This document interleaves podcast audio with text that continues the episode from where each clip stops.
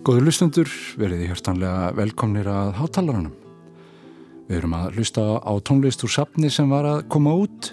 Hvörf heitir platan og það er standað þessari músík þegar Jóhannes Birgir Pálmarsson og Þórir Georg. Við heyrum í Jóhannesi hérna rétt og eftir en fyrst komum við okkur fyrir í plötubúð.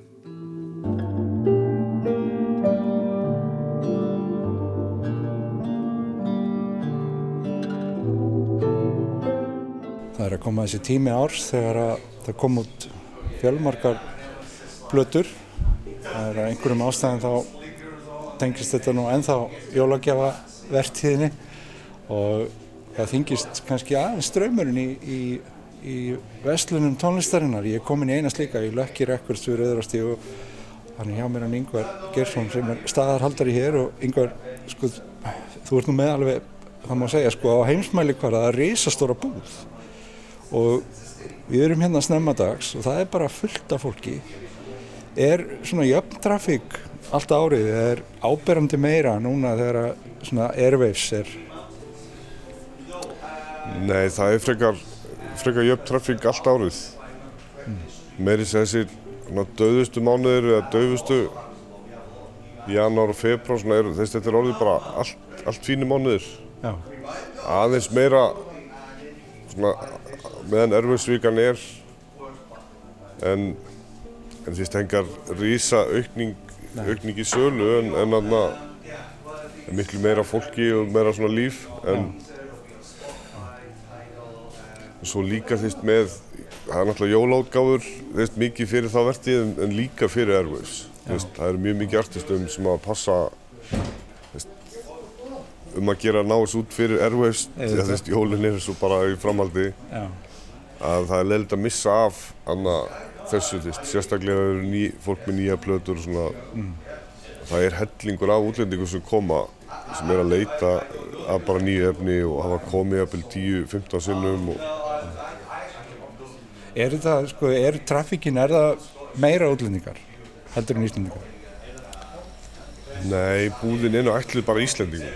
Hún er sett upp bara fyrir Íslendingar. Þetta er ekki lundabúð tónlistarinn? Nei, Já. En þannig að maður er samt með ákveðna merkingar og svona á ennsku og, og þú veist, nafnir á ennsku, en það var ekki til að laða að, þú veist, þannig að túristandilega, þú veist, en það var, var kannski ekki byrjað þegar ég byrjaði hérna 2009 að þá er ekki dálinn en túrista túristæði hérna en, en búðin er ennþá bara í raun og veru hugsuð fyrir Íslendinga og það er það sem túristanir fíla líka það er ekki verið að þeir reyna að pranga einhverju, einhverju gramsi upp á þau heldur þetta er bara tónlistaveslun og þeim fer nú fækandi í raun og veru í heiminu þannig að það þarf að leita dálta að þeim þegar maður fer í, til útlanda í dag. Það er Já. ekki eins og var svona Tower Records. Nei, það er ekki í, í því sniði en það eru, það er að spretta upp nýja búðir út um allt og, og minni verslanir og, mm. og kaffihús slags blödu búðu að það er verið að samin oft aðna nokkra hluti einu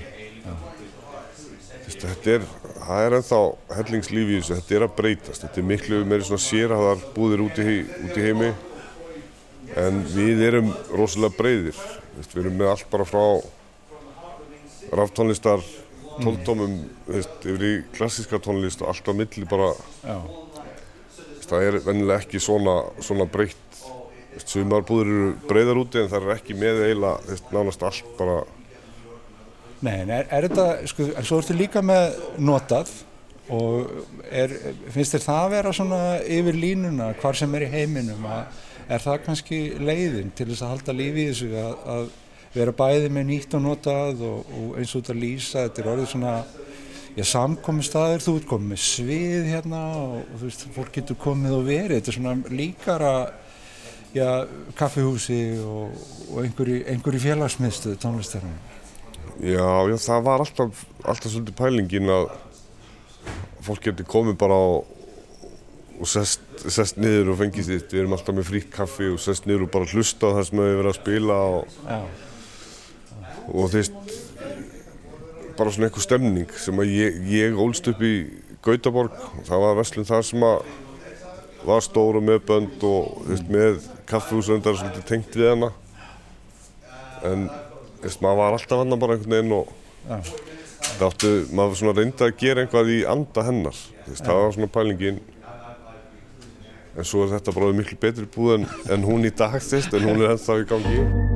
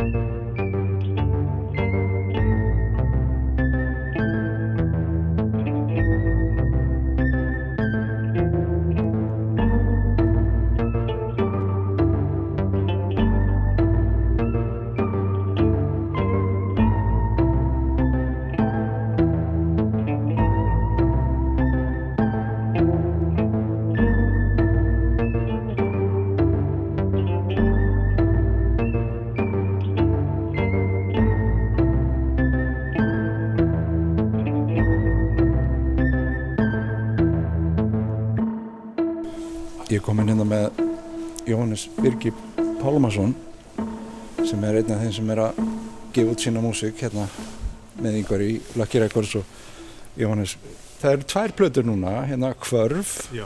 og svo er það hérna Epic Rain og ég nú hefða nú fyrir sko venju í mínum þætti að vera búin að kynna mér tónlistina áður ég tala um hana en, en þetta er undartekningin að ég, ég hef ekki komist í að, að hlusta á þetta ennþá segð mér aðeins frá þessum tveimur verkefnum?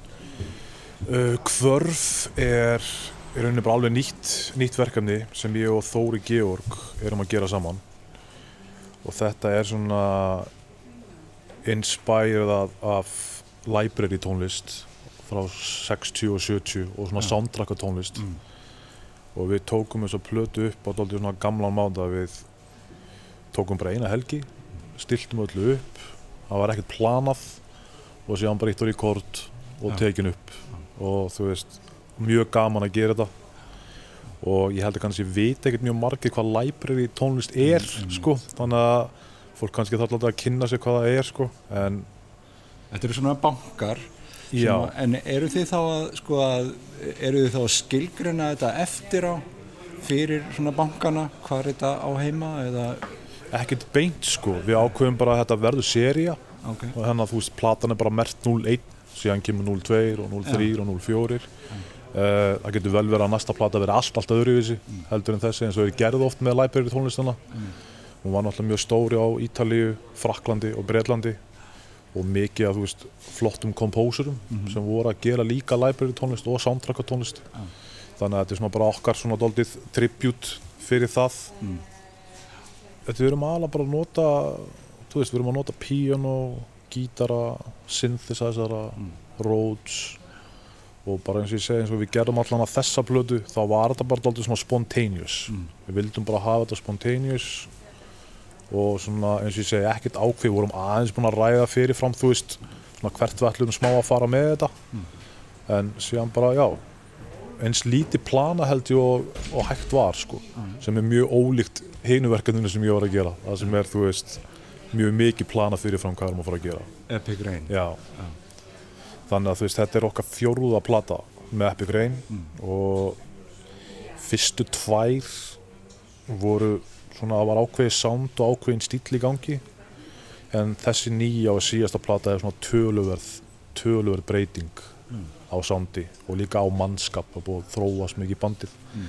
þannig að þetta er óið mjög meira svona hvað ég segja kannski aðeins meira experimental heldur en fyrstu tvær fyrstu tvær voru meira svona akustik soundandi kontrabassi og akustik gítar og svona. En nú er komið meira svona aðeins öðruvísi soundteimur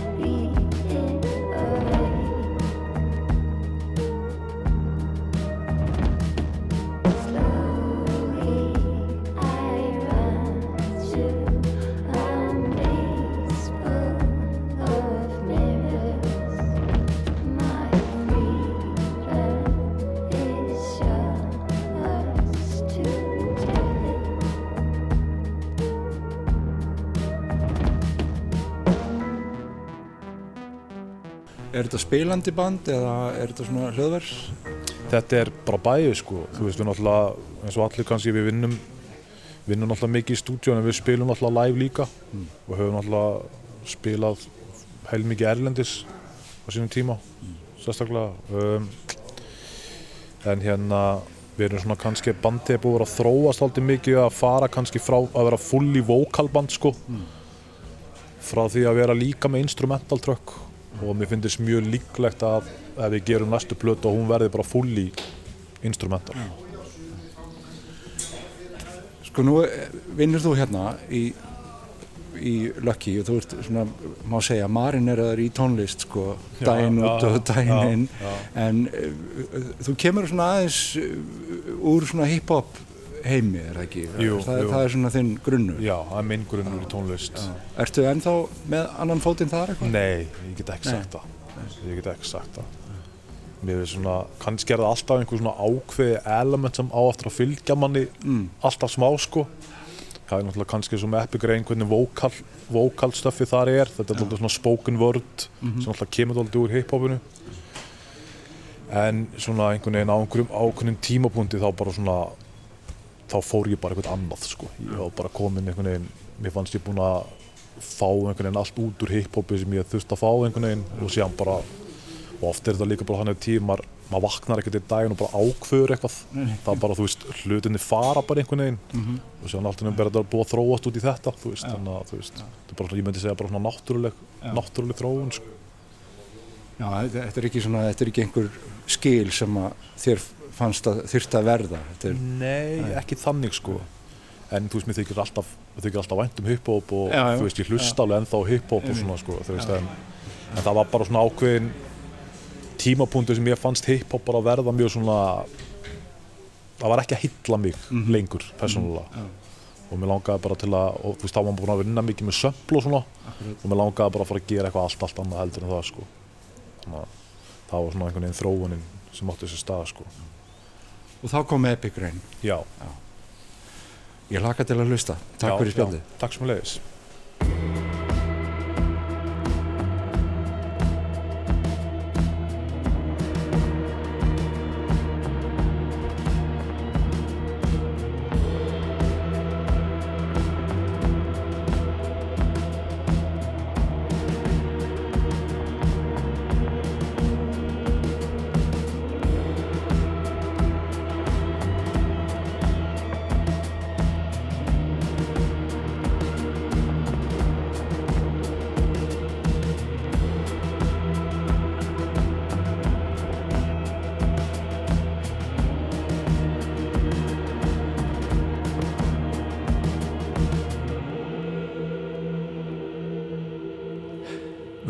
Völundarhús Speklana, Mirror Maze, lag af nýri plötu hljómsættirinnar Epic Rain sem Jóhannes Birgir Pálmarsson saði mér frá. Ingun Sigurðardóttir söng með hljómsættinni, auk Jóhannesar eru þar trómarinn Skúli Gíslason, bassa og gítarleikarin Haldán Árnason, Birgir Rafn Gíslason gítarleikari og svo leggjaðu til hörpu og strengjarleik þau Katie Buckley og Roland Hartwell. All Things Turn to Rust heitir nýplata Epic Rain og þá kveður við annan tón í þessum hátalara. Thank you.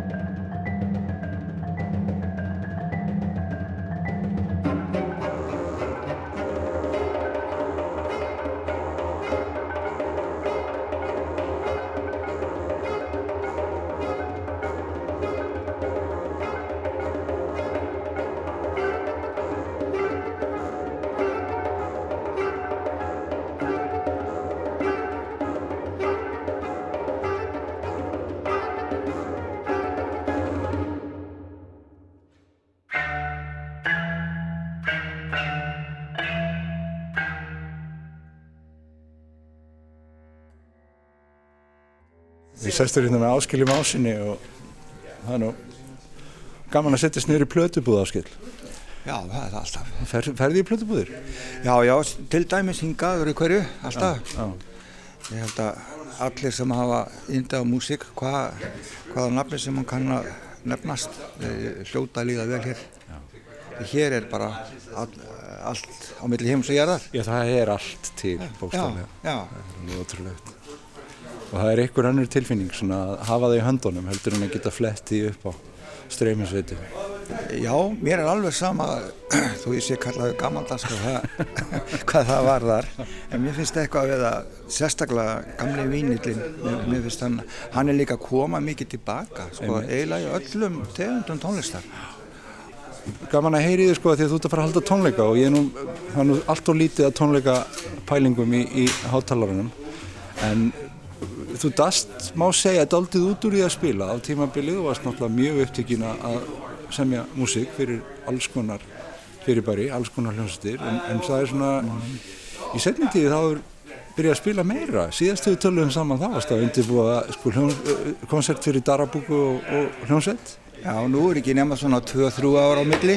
Nei. Þetta er alveg rétt hjá þér. ég var ákvæmlega ég mikið upptekinn í, í stúdíóum þegar ég var svona, já, eiginlega ungur. Mm. Það, þá spilaði ég mjög mikið inn á, inn á plötur og næstu því aðra þriða hverju plötur sem kom út. Ég var bara hálf bjó upp í hljóðritaði í Hafnarferði. Já.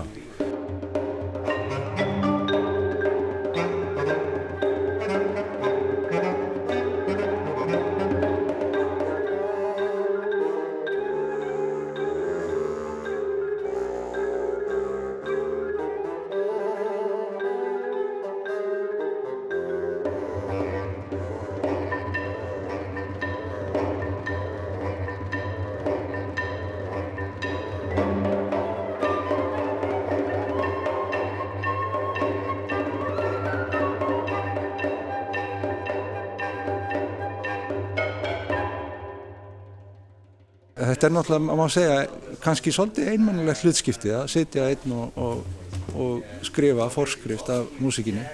Jú, já, já, jú, það getur alveg verið það, já, já. Og, og hérna, þetta eru, þetta eru langar stundir mm. oft, en uh, ég, mér finnst ég, mér líður alltaf best þannig, sko. Já. Bara við skrifborðið í þögn, sko. Já, já. Mér líður alltaf best þannig, en... Uh, Blessu kona mín, hún hefur aldrei kvart mér síðari ára að ég megi nú alveg fara upp á svið og, og spila eitthvað. Ég eitti nú ekki svo litlum tíma í, í þessa fingartrömmur sko. Nei. Ég æði mig alveg eins og koncertpianisti því ég var alveg bara, bara var strákur og, og, og öll úlningsálinn sko.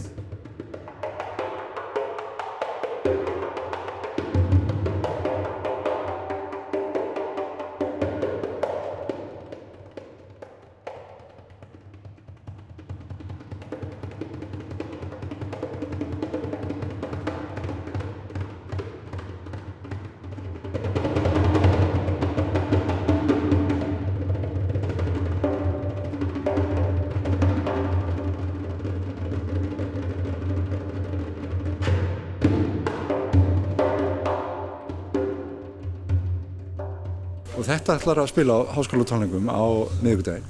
Já, ég ætla að sína eiginlega, hérna, já, demonstrera eiginlega, e, þrjár ólíkar darabúkur sem eru tyrkneska trómur og það eru, e, ein er lítil, lítil úr kopar og með plastskinni og geysilega fín en, en hérna hefur alveg sérstakar hljóm, allar þessar þrjár hafa sérstakar hljóm og þess vegna uh, þess vegna hérna svona kynni ég þar hverja fyrir sig í ólíku verki uh, þetta verk það sem ég spila á þessa litlu það, það er verk sem er fyrir klarinett og, og darabúku ég samti fyrir okkur Einar Jóhannesson fyrir Kína fyrir, fyrir margt laungu, það var 1987 ja.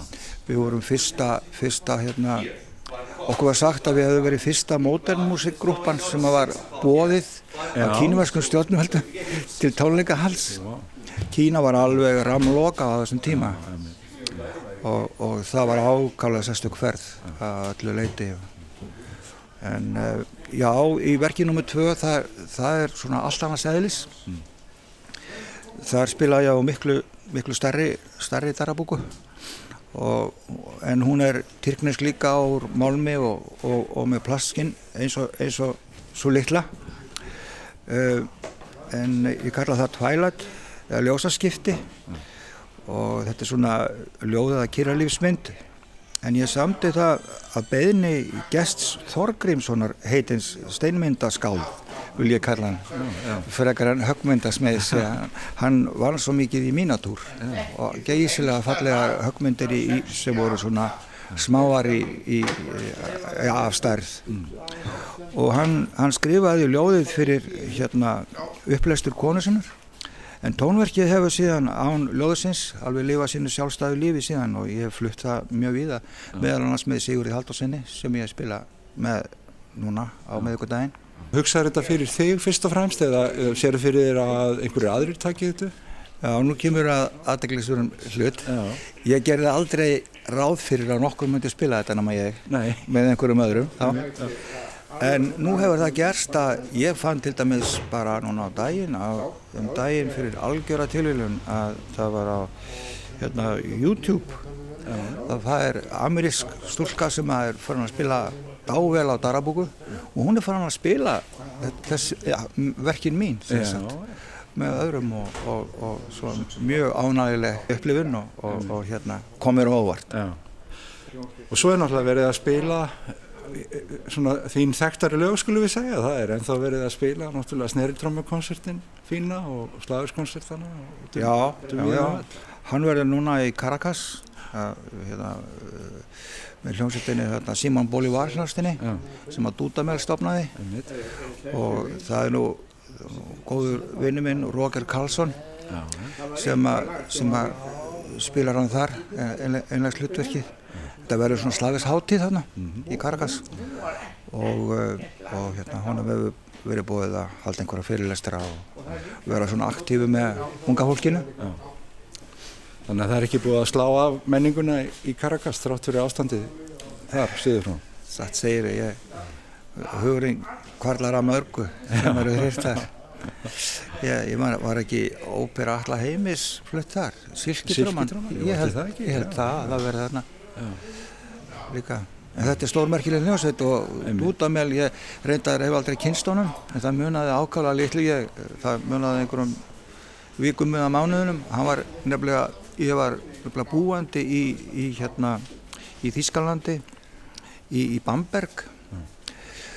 og, og hérna þar uh, Bamberga symfónikar uh, uh, setti á stofn alþjóðlega hljómsveitastjóra keppni og í annarsinn sem að svo hljómsveitastjóra keppni var haldinn þá vann Dúdamell Já.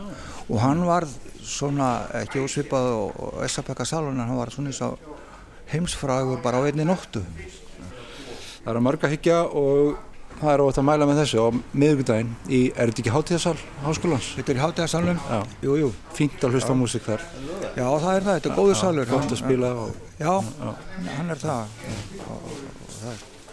Við, við endum á að spila verk sem heitir Konmoto, eða með reyfingu. Þar spila ég á allt öðruvísi trámu, hún er frekar stór, átt ára búka að vera en hún er sérsmiði fyrir mig í Jérúsalem og hún er svona steipuvefni nýþung þótt lítil sé og, og með, með fiskiróði með ákvæm sem að lítur út svona eins og já það er einhver fiskur eins og hlýri eða eitthvað þýlikt svona og það er svona hruvott sem gefur líka ákvæmna uh, hljómmöguleika. Mm. og við endum sem sagt á því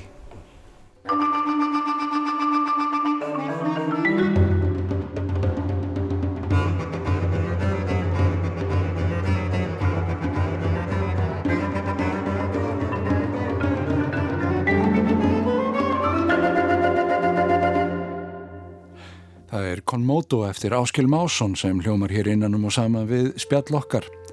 Það er ótt að mæla með því að gera sér ferði í háskólasalinn góða næstkomandi miðugudag í hátteginu og að heyra Áskil tromma og sínar darabukkur í góðum félagskap. Og handtrommur koma líka við sögu í tónlist næsta gestsmins í sofanum í Lucky Records.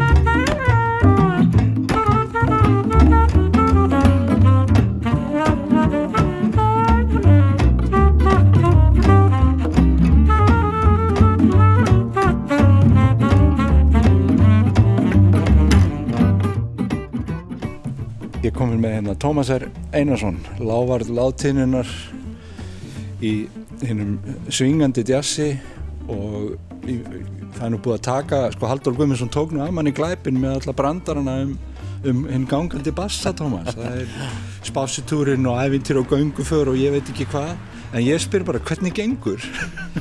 Eh, það gengur vel, bassi gengur og, og ég geng Já, já, við gangum báðir. Við gangum báðir og hafið, finnst þér svona þegar, því þú ert nú svona aðeins að fara yfir ferilinn má segja, þetta er svona já. svolítið endurlitt sko og, og er ekki óætt að segja að þú hefur gengið til góðs? Guðurna fram eftir veg. Mm. Það er nú annar að reyndar að svara því, ég hef allavega skemmt mér á leiðinni mm. og eitt af því eins og þú segir réttilega þarna er ákveðið endurlitt í gangi og í sumum lögum þarna er ég svolítið að reyna að, að fanga einhvern anda sem að dró mig að þessari músík. Það var eitthvað óháttílegt uh, eh, sjálfsbrottið og glatt. Uh, ef það er hægt að setja á það einhvern merkimiða uh, alltaf sé þá ekki þessi þessi alþýrlegi hluti djassins sem að kannski spratt fram ekki síst á bara fjórða áratögnum og hefur, hefur lifað lengi en við mismikinn hræsleika getum við sagt Finnst þér að sko djassin hafi dreyið fram í þér söngaskáldið eða söngaskáldið dreyið þau inn í djassin? Að mér finnst það eins og síðustu plötu á undan þessari þá finnst mér eins og þú hafi aldrei fundið fjöluna þeina í sönglaga söngdansagerðin skulle ég segja svona eins og sönglaga höfundur svona kaldalóns svingsins. Það eru nú stóru orð.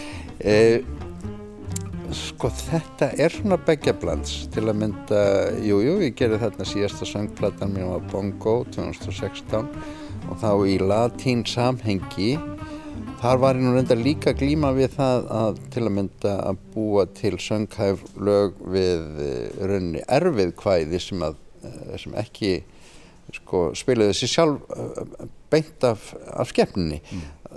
Vandamáli við hefðbundin hvæði er það að kaldalanskvæðin er stundum svo að hérna að lægið læsist inn í fyrirfram gefnum formúlum. Mm.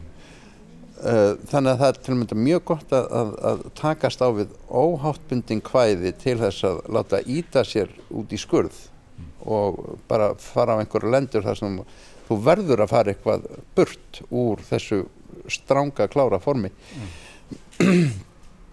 en sko alltaf hafi ekki alltaf uh, snúið að skilganinu sjálf um sig það hefur alltaf blundað í mér náttúrulega lægið, ef svo má segja, ég menna bara ég elst upp nokkur ára þegar ég byrjaði að hérna, heyra harmonikulögin sem að voru gildandi alveg fram til 11-12 ára aldurs melodían hefur alltaf hérna, setið fast í mér og, og þegar ég var svona komin svolítið inn í jazzmusíkina þá kem ég einhvern veginn með þann harða disk með mér mm. þannig að þegar ég fer síðan að, að, að búa til músík þá er það líka segjum öll íslenska dægurtónlistin og þess vegna ég tók bílan á Stones á, á þeim árum mm. allir þessi farangur kemur og svo blandast hann við allan jazzfarangurinn yeah. eins og til og með á nýju plötunni Bassaboppið og Bopp og Bí ég heitlaðist mjög af, af bebop hugsunni sem að var að vísu liðin tími þegar ég kem inn í jazzmúsikina sem ráðandi afl en að því að þar fann ég sko í hljómrænum skilningi var mér mest augrandi að glýma við eh, bíboppið sem mm. ég lít nú þannig á að sé einhvers konar tóltóna músík jazzins að sömuleiti vegna þess að hún er í rauninni ótrúlega sérhæf flókin og snúin og, og tímin og bíbopp solo er ekki svona fyrir hvern mann. Nei. en e, ég var mjög heilaður því. Ég menna það sem kemur síðan út úr mér er einhvers konar neðurstaða af þessu öll saman. Já En þú talaði um sko ljóðin, þetta skipta sko höfumáli í söngljóðunum en svo er hitt elementið sem, er, sem að þú ert náttúrulega þart að hugað líka og það er bassagangurinn sko. og þú, náttúrulega hinn gangandi bassi, þú gengur núttaldið á honum vísum í jazzmusíkinu, hann hefur svona ákveði hlutverk Já. en svo er, er náttúrulega Montuno bassin, hann er líka gangandi en á annan hátt sko. Já, já. Hvernig finnst þér þetta tvent tengjast sko, brakfræðinni og, og ljóðapælingunni? Hefur þetta áhrif þannig svona í formhugsuninni? Ekki beint. Nákvæmlega þetta þessi göngubassi í svingi og latínu. En það var að sumleiti þessi göngu, gangandi bassi eh, jazzins dum dum dum dum sem að dró mig að að þessu hljóðfæri og, og jazzmusík sjá Fridrik Theodorsson á, á, á sangum jazzvækningar 1977-8-9 uh, mér fannst þetta ótrúlega flott. Hann lappaði og tók uh, svona, var svolítið flottur með bassan. Hann náttúrulega svingaði alltaf vel á hvaða hljóðfæri sem hann spilaði eða hvort hann sönga Fridrik og þótt að á samanleiti hafði náttúrulega líka verið það að sjá Níls Henningarsson Pedersen spila þá var það náttúrulega allt annað dæmi en á samanleiti stóð það var náttúrulega bara hann var tækni í risi jazzbassans á þessum tíma sennilega bara í verundinni mm. en það var svingið sem var ekki síður að hjá Fredriki Teodorssoni og, og einhvern veginn það var einhver hjartsláttur sem mér langaði að vera í Ég veit hins vegar ekki hvort að, ég held, er ekki vissum að, að það fyrirbæri nákvæmlega hafi haft veruleg áhrif á lagasmíðum. Nei. Ja, nei, það held ég ekki. Ekki beint, ekki, það er náttúrulega erfitt svona þegar maður er ekki fræðingur að, að hérna, græna þetta. Ja. Heldur þú að ég er eftir að finna þér fleiri, fleiri göngulegðir, sko. Það eru mjög vel, vel færar, þessi dum, dum, dum og svo montun og við. Ertu, ertu svona útkikkinu eftir, eftir fleiri gungulegum, bassans? E, ekki er það nú beinlýnis. E, e, ég er nú komin á það efri stig æfinar að hérna, ég sé nú búin með megnið af því sem ég ætla að gera. Mm. En sitt hvað er eftir sem ég þarf að klára áður en ég þarf að fara í næstu puttaðgerð sem að geti komið eftir þrjú ár. Ég var skorinn í fyrra fyrir einu og hálfu ári. Þannig að það þarf að nota tíman vel næstu svona þrjú árin. E, Nei, það er allt upp í lott með það. E, en ég hef saknað svolítið sko labbandi bassans og ég vikja því að því að hann hefur náttúrulega hann hefur bæði breyst og reyni bara horfið mm. á síðustu 30-40 þetta var mjög ríkjandi þegar ég byrjaði að jazzklúpa hér og í nákvæmlega landum og svona um 1980 en síðan er náttúrulega bara þessi tónlist hefur breyst aðrar áherslur uh, það er ekki mikil gangandi bassi þegar bylgjan frá Östur-Európu kom Balkanskaganum með, með hérna 7.13, 15, 9 og svo framvegir ekki mikil lapp á þeim bæjum ekki fjórbítið. Og bara allt breytist og ég er náttúrulega bara markaður ekki síst þeim hljóðheimir sem hafði áhrif á mig fyrir 40 árum og rétt að hylla það í íhaldsamið minni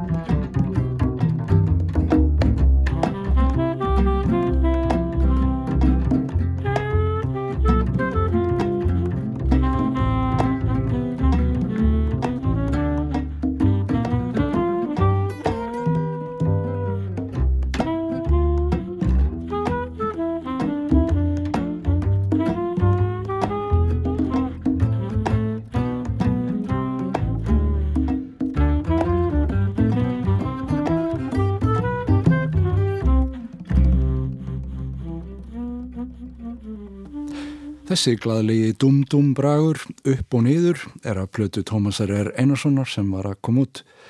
Óskar og Ómar Guðjansinnir með honum á saxofónu gítar og Seitrikur Baldursson á kongatrómurnar. Útgáðu tónleikar Gangandi Bassa er á sunnudaginn kemur í hörpu og hefis klukkan 5. Rækst á Sólegu Stefansdóttur hérna í, í Lucky Records og við erum nú að senda hérna út á mánundegi. Hvernig kemur þú undan, undan Airwaves? Heyrðu bara hérna sem maður segir á góður ennsku so far so good. Mm. uh, já ég er búin að spila bara á hverjum degi og hérna bara gaman, já. bæði solo og hérna og með hljómsveit sem að ég var og er í sem heitir Sýber sem er svona fyrsta hljómsveitin sem að ég byrjaði í hérna uh, fyrir einhverjum 12 árum síðan. Mm. og við spilum sem sagt á fymtu dag á KXP fyrsta skipti nýju ár. Það var rosa gaman sko Finnur þú svona, sko finnur þú fyrir því sem að Airwaves á að gera fyrir, fyrir tónlistina? Hefur þú fundið fyrir því gegnum árin? Já, algjörlega, mm. algjörlega. Uh, ég, þú veist, fekk bókara minni gegnum Airwaves mm. og er enda fyrirverðandi bókari, koma annar bókara núna en hérna, og umbóðsmenn og bara alls konar viðtöl og, og sérstaklega eftir fyrstu plötunum mína og það manni þá var bara, þú veist, ég var bara í viðtal, ég var bara í viðtali frá nýju til fjögur svona í kringum 2011-2012 um, sem var bara frábært, ég held að það hef gert rosa mikið fyrir mig sko. Já. Ég sá núna að það var eitthvað fólk í, þú varst með svona pos, possi. Já, Vistu, veistu hvað ég var með? Ég var með áhrifavalda með mér. Nei. ég lappaði hérna inn í lökki og, og var hérna með er þetta ekki farið? ég var hérna með tvo, uh, tvær mannski frá Inspired by Iceland Já. og svo var ég með tvo áhrifavalda eins og stóði eins og blessunlega í þessu tölvuposti. Og bara, já, fyndið. Uh, einhver, einhver Instagram fólk sko, já. en hérna, já ég var, ég var sérstaklega einhver viðtali fyrir Inspired by Iceland og svo bara báðum að hitta tvo áhrifavalda. Og mér fannst það bara eitthvað svo fyndið. Já, hvað að gera? Þetta eru nýjir tímar, Ó, sko, búið þetta bladamanna fjölumila manna. Nú, nú er maður ekki neitt um að sé áhrifavaldur. Áhrifavaldur, ég var eitthvað það finnst þetta frábært sko. En hvað stílar eru svona upptökurnar og uh, útgáðurnar inn á Airwaves? Mm, Ertu með eitthvað núna í, mm, í útgáðu? Mm, sko ég er að semja nýja plötu núna. Ég er búin að vera að flytja það bara á, á þessum giggum sem ég er að spila núna já, ég hef alveg gefið út, uh, þú veist, epiplötur, ég hef aldrei gefið út sko eh, breyðskjöfu, en ég hef mm. gefið út epiplötur í, í kringum erfæðs. Mm. Það er oft gott að vera með eitthvað svona eitthvað, en æ, skipt, skiptir eitthvað einhverju máli. Sorry, bara, ég, aðna, uh, þú veist, já. maður bara gerir sitt. Já, eitthvað. og það kemur þegar það kemur. Það kemur, það kemur já, og eitthvað svolítið, sko. Ég var að tala við yngvar hérna í Lucky og að því að ég svona held kannski að það væri aldrei meira að gera nú erfiðs en hann var nú að lýsa þetta væri eiginlega bara jamt sko já, já. yfir árið. Er, ferð þú í plötubúðir? Já, já, já, ég fer í plötubúðir. Ég er svona, ég reyna að fara í plötubúðir líka erlendis, eða ég fer í plötubúðir erlendis en mm. svona oft er maður á tónleikaferðlega og ég er alltaf eftir að finna svona hinn fullkomna sko plötu, hérna vínilplötu, hérna fullkomna vínilplötu tösku sko. Já. Verum, að, því að það er svo erfitt sko, maður er mjög drasli og svona og þannig ég svona, er ofta eitthvað, maður er ofta eitthvað svona maður er á tveggja vegna ferðalagi eitthvað. Vera með plötur, fólk gera það samt sko. Og ég gera það líka sjálf. Já. dýrka plötubúið sko. Og dýrka lökki rekords slá flott búð. Geggja tónlist sem vorum að hlusta að það réttar á vitaluberi Já, einmitt. Híkar ekki við að láta slökka á þessu öllu. Af því að þið talað á orð, skiptir máli það skiptir jú, jú. miklu meira máli Íslenska, íslenska, já, já, nákvæmlega. Íslenskan, sko Nei, nei, Ja, þetta er bara, þetta er endislega vika sko, alltaf, ég er alltaf mjög spennt og þetta er oft svona einhver svona smá ásattíð fyrir tónlistamenn og maður er svolítið hlaupandi sveittur með hljómborð og, og eitthvað út um allt. Og fólki finnst það líka gaman sko, þú veist, fólk er alveg að kemur á tónlík, ég gær var að spila Marina Hotel uh, með mitt og svo var einhver klukkutíma mill og svo þurfti ég að stökka á KXP og fólk er svona eldan bara, ég við sjáum svona kegg, svona þetta er svolítið svona, ég veit ekki, eitthvað pínu grútlegt sko, er eitthvað að marsa er út um allt sko. Hérna. Áhrifa Ég, ég, er ég ekki bara brjálaðislegur áhrifavaldur? Er ég áhrifavaldur? Get ég verið það? Ég veit það ekki. Ég var alveg til ég að, kannski ætti ég að fara að gera eitthvað sluðis. Takk Sóli.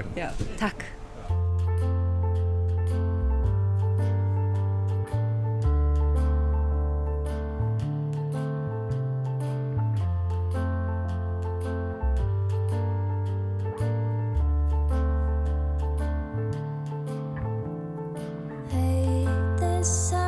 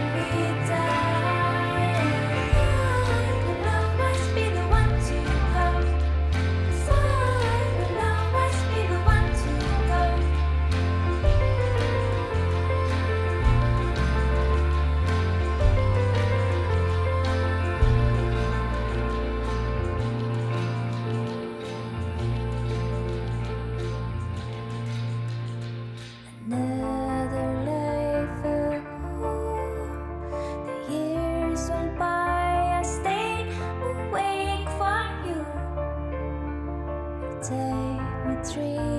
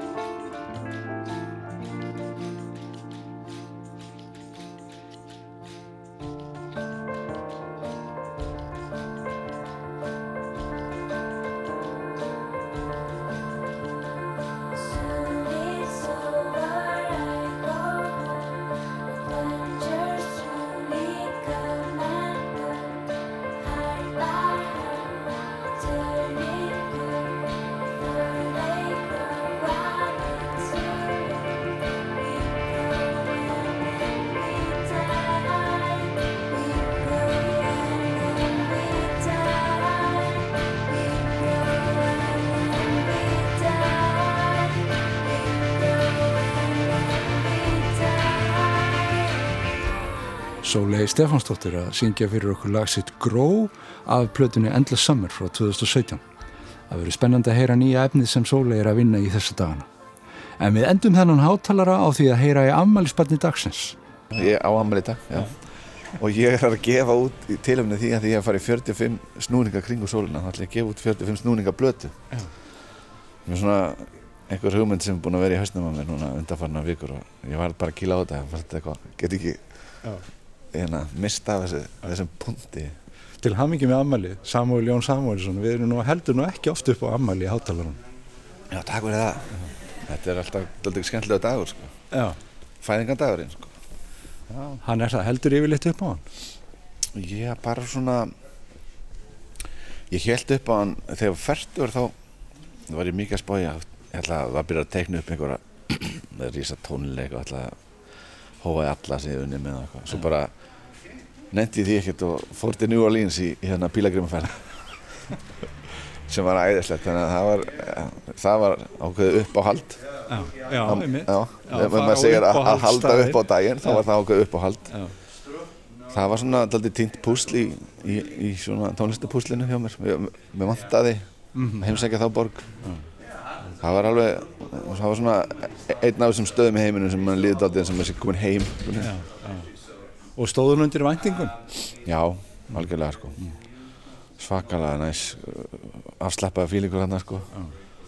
og, og bara músík allstaðar, alls konar músík sko. líka maður svona hafi að því að þetta er náttúrulega þessi fæðingaborg jazz, jazzins og svona og maður, en það er bara svona mikil músík alls konar músík og og svo mikið brass, svona brassbandkultúr sko, og svona strítkultúr sem er svo skemmtilegur og maturinn náttúrulega geggar líka og, og bara mannlífið og náttúrulega túristagildur eru alveg svona, hú veist, ef maður er að hanga mikið þar sko en, en, en ef maður er svona, við vorum aðeins í tæpa þrjár vikur þannig að við náðum aðeins að leiðum lilla íbúð í, í Treme hverjafni sem er svona, svona fyrsta Afrikan-Amerikan neighborhoodið í bandaríkjanum sko, og var um nýbúið að halda upp á 200 ára ámali hverfisins sko. Og komst þið í kontaktu við einhverja vopnabræður? Hittur þið trombón sjorti? Nei, ég kíkti á, ég var meira svona bara að, að taka inn og ég var ekkert að reyna að tróða mér Nei. en sá mikið skemmtilega, það var, sá hérna það er nefnum nafni minn, eitt sem heitir Big Sam og sem að, hann er með Big Sam's Funky Nation, það er nú það er alveg gaman að koma til svona borgar þar sem að einhvern veginn básunleikar eru, það er fullt af básunleikar og þeir eru svona alltaf oft svona algæðanir sko. Eins og hér. Já, já, það er fleiri bara. Það er svo, þú veist, að því að maður er svona minniluta hópur hér en þarna var maður, þetta var svona það er bara eðlert að vera básunleikar í þessari borg. Og mér fannst það alltaf skemmtilegt og, og vera að rölda eitthvað á kvöldin og, og það mætir einhverjum, þú veist, með súsafón að lappa í vinnuna. Og það er bara líka svona you all doing, þú veist.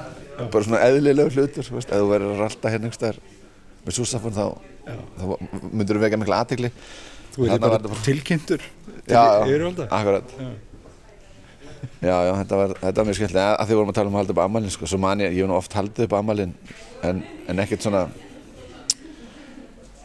já, þetta er nú er, nú er þetta já. 45 snúningar í, í kringum sólina Já, já. Ég mista, ég hefði nátt að, að halda upp á þryggja, 33 ára líka, ég, ég var ekki mann að kveika á þessu þá. Býður eftir 78. Já, já. eða einhver annan gerir það kannski. já, við sem erum næg. Ég ætla ekki að spyrja því hvað þú ert ánum gaman, en, en þið eru velkomið að fá þetta að lána, þetta koncept, sko. Annars tek ég það bara, þetta er, já, þessi ár sem maður vantar upp á. Já. 33, þetta er rétt regnaði. Það er náttúrulega skemmtilegt, að það sé 33 snúningar upp á það er ótrúlegt ah. Þetta er eitthvað sem aðan Arlöldu vinnur okkar hefði gaman að bæli En hvað, ertu farin að, að sko, horfa eitthvað inn í framtíðina Serðu fyrir þér næstu 45 ár? Eða næstu, hvað ég voru að segja? Sko, ég hef náttúrulega ef ég næð öðrum svona 45 þá náttúrulega er það ákveðin lottovinningur sko mm.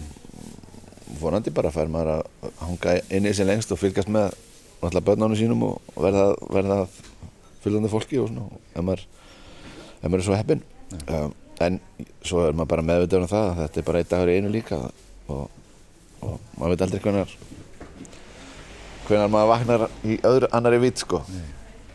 en hérna það er bara hluti á þessu líka. Og, og þess vegna líka bara langaði með svona kannski að fara, já mikið skuffumúsík sko sem að mér langaði bara að fara að koma frá mér.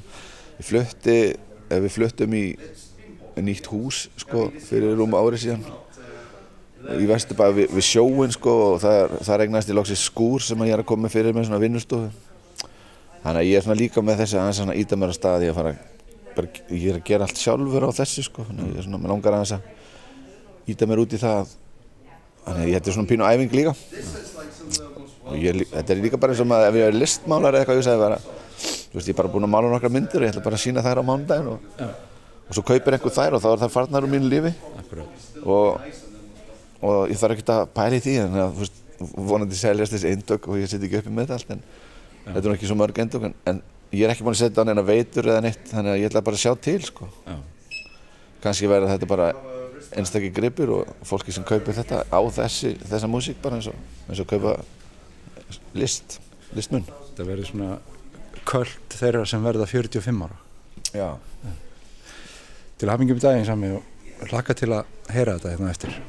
Já, við mér get ég ekki left ykkur að heyra núna því að ég hef búin að lofa fólkina að ég ætla að frumflita í, í útgáðu og ammaliðskaffinu hérna neyri Lucky Records á eftir þannig að fólk verður bara að kíka neyri Lucky Records hérna DJ eins og yngvar Lucky, Mr. Lucky ætlar að, að þeita fyrir mig í tilmyndi dagsins 45 Soul 45 sem hann kallaði sko. þannig að það verður skemmtilegt og, og ég ætla svo að fá að taka yfir spilarana í kannski tímyndur og spila þessar, þessar tvær hliðar Samuel Jón Samuelsson tilbúin í eina ammæli með tvær hliðar þær voru fjórar fyrir nokkurum árum en það var ómögulegt að fá hann til þess að þjóðstarta þessari tónlist með okkur í þessum þætti en hlustendur geta að hugga sig við það að það er enþá hægt að koma sér nýri í Lucky Record þar sem að afmælis háttíð Samuel Sjóns hefst eftir augnablík. En svona líkur hátalar hann. Takk fyrir að hlusta.